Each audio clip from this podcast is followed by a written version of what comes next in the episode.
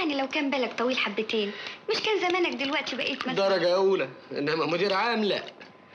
إحنا صحيح دفعة واحدة إنما الحريم دايما حظهم أحسن.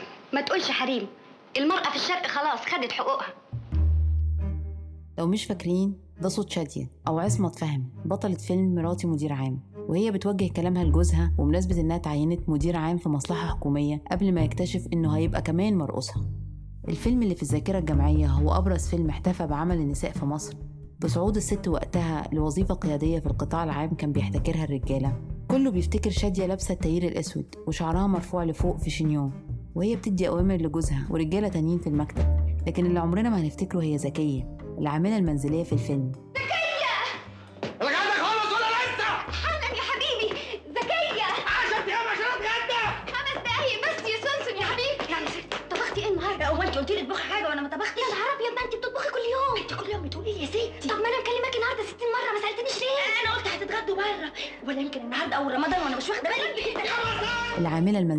اللي هي الوظيفة اللي لازالت بشكل شبه كامل حكر على ستات لحد دلوقتي في عالم العمل غير المنتظم. أكتر الناس بتسمي اللي بيشتغلوا الشغلانة دي الشغالة أو الست اللي بتنظف. أنا هقول عليها في البودكاست ده العاملة المنزلية ويمكن ده مش أكتر لفظ دقيق لأن العمالة المنزلية وفقا لتعريف منظمة العمل الدولية ممكن يشمل مثلا السواق الخصوصي للأسرة. لكن على كل حال إجمالي العمالة المنزلية في مصر تقريبا 547 ألف شخص. وفقا لبيانات صدرت سنة 2018 وللأسف مفيش بيانات عن التقسيمات الداخلية للعمالة المنزلية. يعني مين بيشتغل إيه بالظبط؟ نرجع بقى للشغلانة اللي هنتكلم عنها بالتحديد. الشغلانة دي هشة جدا يعني تقريبا ما فيهاش أي حقوق.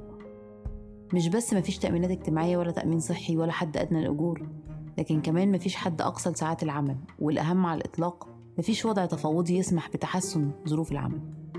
صحيح هي واحدة من وظائف كتير هشة لكن هشاشتها مضاعفة. احتمال عشان هي وظيفة ستات أو على الأقل ده إحساس زينب. العاملة المنزلية اللي أنا اتكلمت معاها عن مهنتها في وقت صعب وموجة غلاء في الأسعار ومستويات ما قابلناهاش من سنين. بعد يا دوب ما فاقت من صدمة تفشي فيروس كورونا. خلال الأزمات دي زينب أعادت اكتشاف طبيعة مهنتها. ببتدي بديت شغل من وأنا عندي 8 سنين. الشغل دوت آه، منزلي في البيوت. أنا مش متعلمة أصلا ولا معايا شهادة.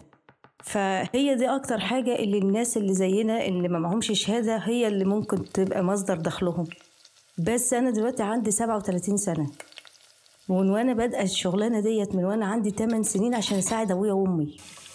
فكل ما تروح بت... بتاخد من مجهودي ومن صحتي. زينب ابتدت بأنها تحكي لي عن مصاعب المهنة بشكل عام خصوصا في عز التضخم. أنا بيسان كساب صحفية اقتصادية في مدى مصر. وفي البودكاست ده أنا سمعت ودردشت مع ضيوفي عن العمل المنزلي. في وقت فيه موجة غلاء صعبة جدا. جت بعد الناس يا دوبك ما بدأت تفوق من أزمة فيروس كورونا. اتكلمت معاهم عن علاقة العمل ده بقيمة العمل المرتبط بينا كستات وعن غياب القوانين لتنظيمه وعن المصاعب اللي بتقابلنا لما بنحاول نلاقي حلول للمشاكل دي. الأسعار وارتفاع الدنيا ديت آه، بقت صعبة على الناس كلها. أنا ما بطلبش من حد آه، أقول لهم زودوني ولا ما تزودونيش. بس في حد رحيم بالشغلانة بتاعتنا ديت بتقول لك آه، اهي غلبانة. يعني مثلا آه، ممكن بكرة ما تقدرش تنزل تشتغل. فبتروح مزوداني آه، من عندها هي حاجة رمزية. طبعا مصر مليانة مهن هشة للستات والرجال لكن في المهنة دي بالذات بيظهر اختلاف في مستوى الهشاشة دي ما بينهم. اللي بي النجار أو السباك أو الكهربائي أو المحارة أو كله ده اللي ما معهمش شهادات زيهم زينا آه، ممكن يقول حضرتك ال- السعر المتر ك- زاد كذا النهارده آه، أنا أنا هاخد صناعتي كذا النهارده لكن إحنا بتبقى آه، لأ أنا أصل أنا معلش ما بدفعش أكتر من كده أصل أنا مش مقدرتي اللي أنا أدفع لك أكتر من كده أنا ممكن أبقى شايلة البيت كله وعاملاه زي ما الكتاب ما قال وتيجي في آخر اليوم تتصدمي. إيه ده؟ إيه والله أنا ما بقدرش أدفع لك أكتر من كده. إيه خلاص آه، هنعمل إيه؟ لو هنقعد لكل واحد آه، لأ إحنا عايزين كذا ومش عايزين كذا هيقول لك لأ طب إحنا مش عايزينك برضه. ممكن حد يسأل ليه العاملة المنزلية ما بتفرضش يوميتها زي الكهربائي أو السباك أو بتاع الدليفري؟ تقول مثلا يا مدام أنا باخد في اليوم 250 جنيه. مثلا يعني.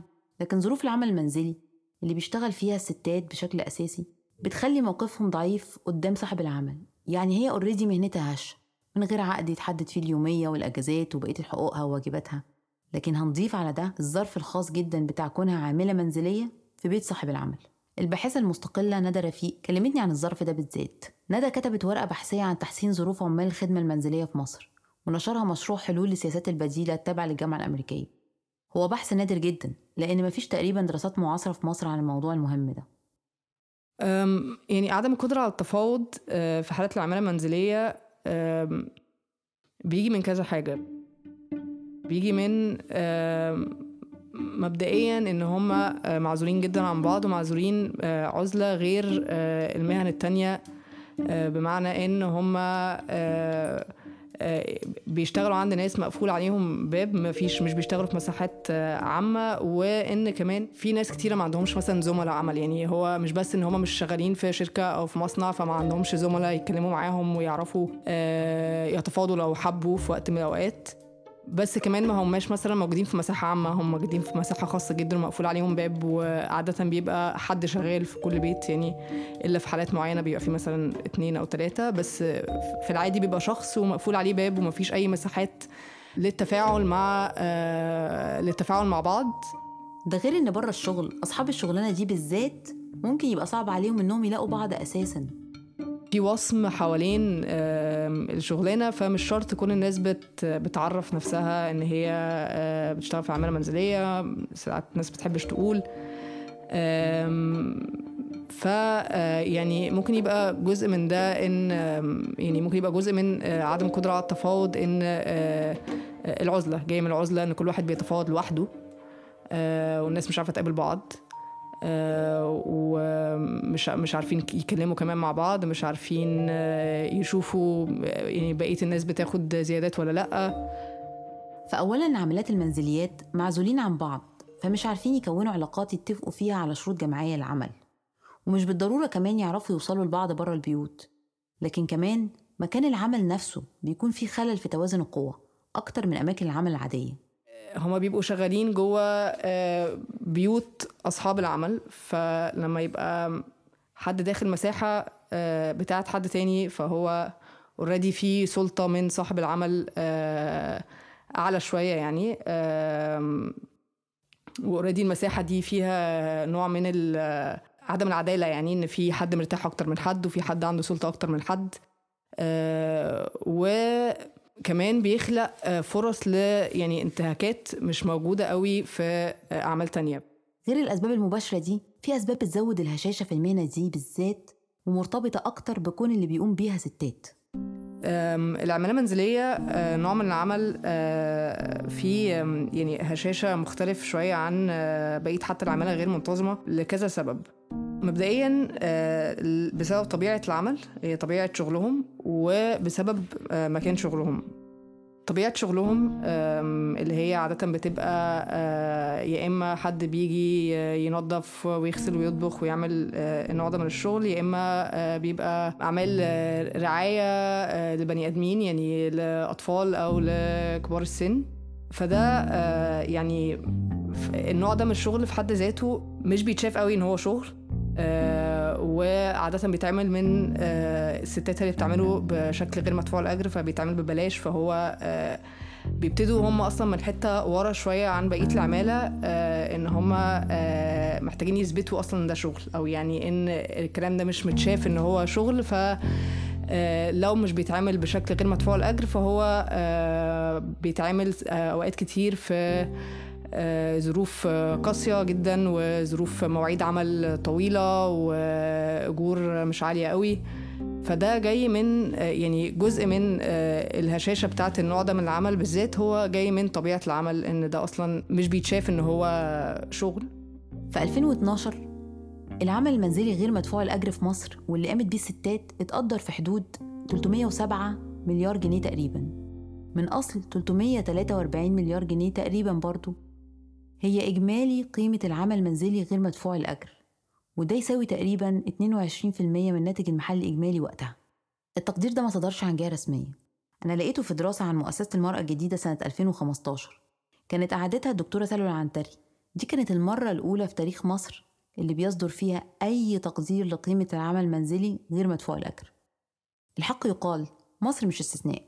الحقيقة إنه العمل المنزلي غير مدفوع الأجر على المستوى العالمي مش جزء من احتساب الناتج المحلي الإجمالي وفقا لمنظومة الحسابات القومية الصادرة عن الأمم المتحدة واللي بتشكل إطار احتساب الناتج المحلي في كل دول العالم. الرؤية دي للعمل المنزلي غير مدفوع الأجر بتنعكس على نظرة الناس للعمل المنزلي مدفوع الأجر اللي بتقوم بيه صديقتنا زينب زي ما ندى شرحت. بس كمان في أسباب هيكلية تانية بتؤدي لانحصار ستات كتير في الشغلانة الهشة جدا دي. مقارنة بالرجالة زينب حكت لي عنها.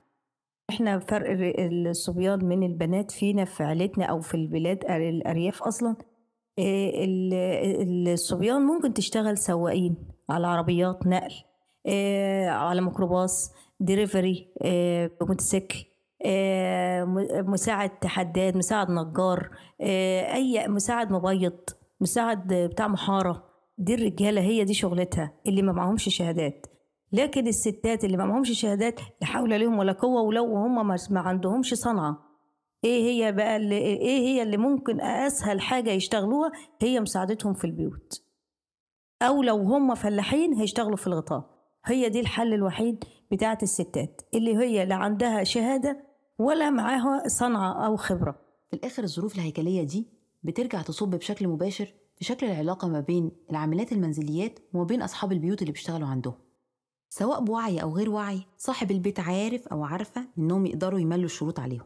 إن يعني صاحب العمل ممكن يبقى عارف إن هي في موقف ما عندهاش حاجة تانية وهي دي الحاجة الوحيدة اللي هتعرف تعملها فما ما قدامهاش قوي آه، خيارات تانية يعني فهو مش مضطر يعني مش مضطر يعمل كده. خدوا كل الظروف الصعبة دي وتخيلوها في وقت حصل فيه حاجة مزدوجة. من ناحية الشغل قل ومن ناحية تانية الشغل القليل مخاطره زادت. بتكلم عن وقت انتشار الكورونا. آه في ناس كانت تطلب تطلب اللي انت ما تجيش عشان آه، إحنا عندنا آه، حالة كورونا. في ناس كمان كانت بتقول لي تعالي وربنا يسترها. يعني آه، عندنا كورونا آه عندنا حالة كورونا بس تعالي. أنا عشان اللي أنا محتاجة برضو الفلوس وعشان البيت كنت بضطر إن أنا أنزل وأعمل احتياطاتي وأسيبها على الله. بس لكن في ناس كانت بتقول لي لا خليكي في بيتك انت تعبانة خليكي في بيتك وإحنا نجيب لك العلاج ونجيب لك آه، ومتكفلين بمصاريفك لحد ما تقوم. في ناس كانت بتقول لي ما تجيش آه، خليكي لحد ما نشوف الدنيا ترسى عليه لأن ما إحنا مش فاهمين أي حاجة. فكنت ببقى قاعدة في بيتي ما ما بنزلش الشغل. بالإضافة لحالة عدم الأمان المادي اللي كانت زينب بتمر بيه وقت كورونا كان في على الناحية التانية مخاطر العدوى وأثرها على دخلها. بس في بداية كورونا آه، آه، آه، بن- بنقول طب إيه التعب دوت؟ إحنا ما كناش فاهمين إيه كورونا وإيه المرض اللي هو منتشر دوت؟ قالوا دي كورونا وبتعدي. فمعنى كده إن أنا حتى هقعد في البيت ما فيش شغل. فجيت اشتغلت أسبوع حلوة في بداية كورونا آه، ما فيش كورونا جات لي ولا أي حاجة. جه جه جاني التعب بتاع كورونا. قعدت في البيت يجي 40 يوم ما فيش شغل ولا في فلوس بتجيني. إلا اتنين بس من اللي أنا عارفاهم هم اللي كانوا متوليني في الدواء وفي العلاج وفي المصاريف. آه، جاني آه، جه عندنا حالة وفاة والحالة دي كانت ميتة بكورونا. أنا مع ضميري ومع الناس اللي أنا بحبها اللي أنا بروح لها ومش عايزة أذيهم وناس كبار في السن وكده. قعدت اتحملت في البيت 15 يوم برضو من غير شغل ومن غير مصاريف لبيتي. أولادي حضرتك والله العظيم تاني والله ما يعني نفسي أي حد من المسؤولين حتى يصدقني أنا ما كنتش لاقية العيش حاف أكله لعيالي إلا لما كان حد بيفتكرني من اللي أنا بروح لهم إن هما الاتنين اللي كانوا متابعيني هما اللي كانوا بيبعتوا لي اللي حصل في كورونا كان آه، قاسي برضو بشكل خاص على آه، على العمالة المنزلية آه، علشان هما برضو بطبيعة آه، شغلهم إن هما بيشتغلوا جوه بيوت فهم أكتر عرضة آه، للعدوى. خصوصا لو بيشتغلوا آه، مع مع ناس مريضة. فهم بيتعرضوا بشكل كثيف للعدوى بس ما فيش أي حاجة ما فيش أي ما فيش أي حماية يعني ما فيش أي حماية بتتقدم لهم. صعبت عليا نفسي حضرتك. وعيالي آه، لما كنت أنزل الشغل وأنا جاية أجيب خضاري وأجيب عيشي وأجيب رزي وحاجتي واللي أنا لازمني وصابوني وحاجتي ببقى فرحانة إن أنا مقضية بيتي. أنا ما بفتكرش في جوزي. خلاص أنا إذا كان حد مقضي البيت خلاص البيت بيمشي. لكن لما نقعد ونبقى مش عارفين نجيب أتفه ال- الأمور اللي أنا مش لاقي أكل ابني سندوتش جبنة لا كان الموضوع صعب. وصعب علينا عيالنا وهم قاعدين ونفسهم ياكلوا ويشربوا وإحنا مش عارفين نجيب لهم أي حاجة. مش عارفين بجد نجيب لهم أي حاجة. إيه، موضوع السنتين دول بتوع كورونا قطعوا أثروا فينا وفي عيالنا لأن إحنا إحنا بصينا لقينا إحنا ولا حاجة. إحنا ولا حاجة. إيه، لا حول ولا قوة. طبعا تجربة قاسية جدا زي تجربة كورونا بتأثيرها على زينب وغيرها من عاملات الخدمة المنزلية بيستدعي على طول النقاش حوالين الوضع القانوني للعمالة دي كجزء من العمالة غير المنتظمة وهنا ندى رفيق بتفكرنا بمفارقة مهمة. آه، قانون العمل في مصر آه، ومش في مصر بس في في بلاد تانية كمان. يعني مش بس مش بيغطي العمالة المنزلية هو باللفظ بيستثني العمالة المنزلية آه، من القانون وبيقولوا القانون مش مش بيطبق عليهم.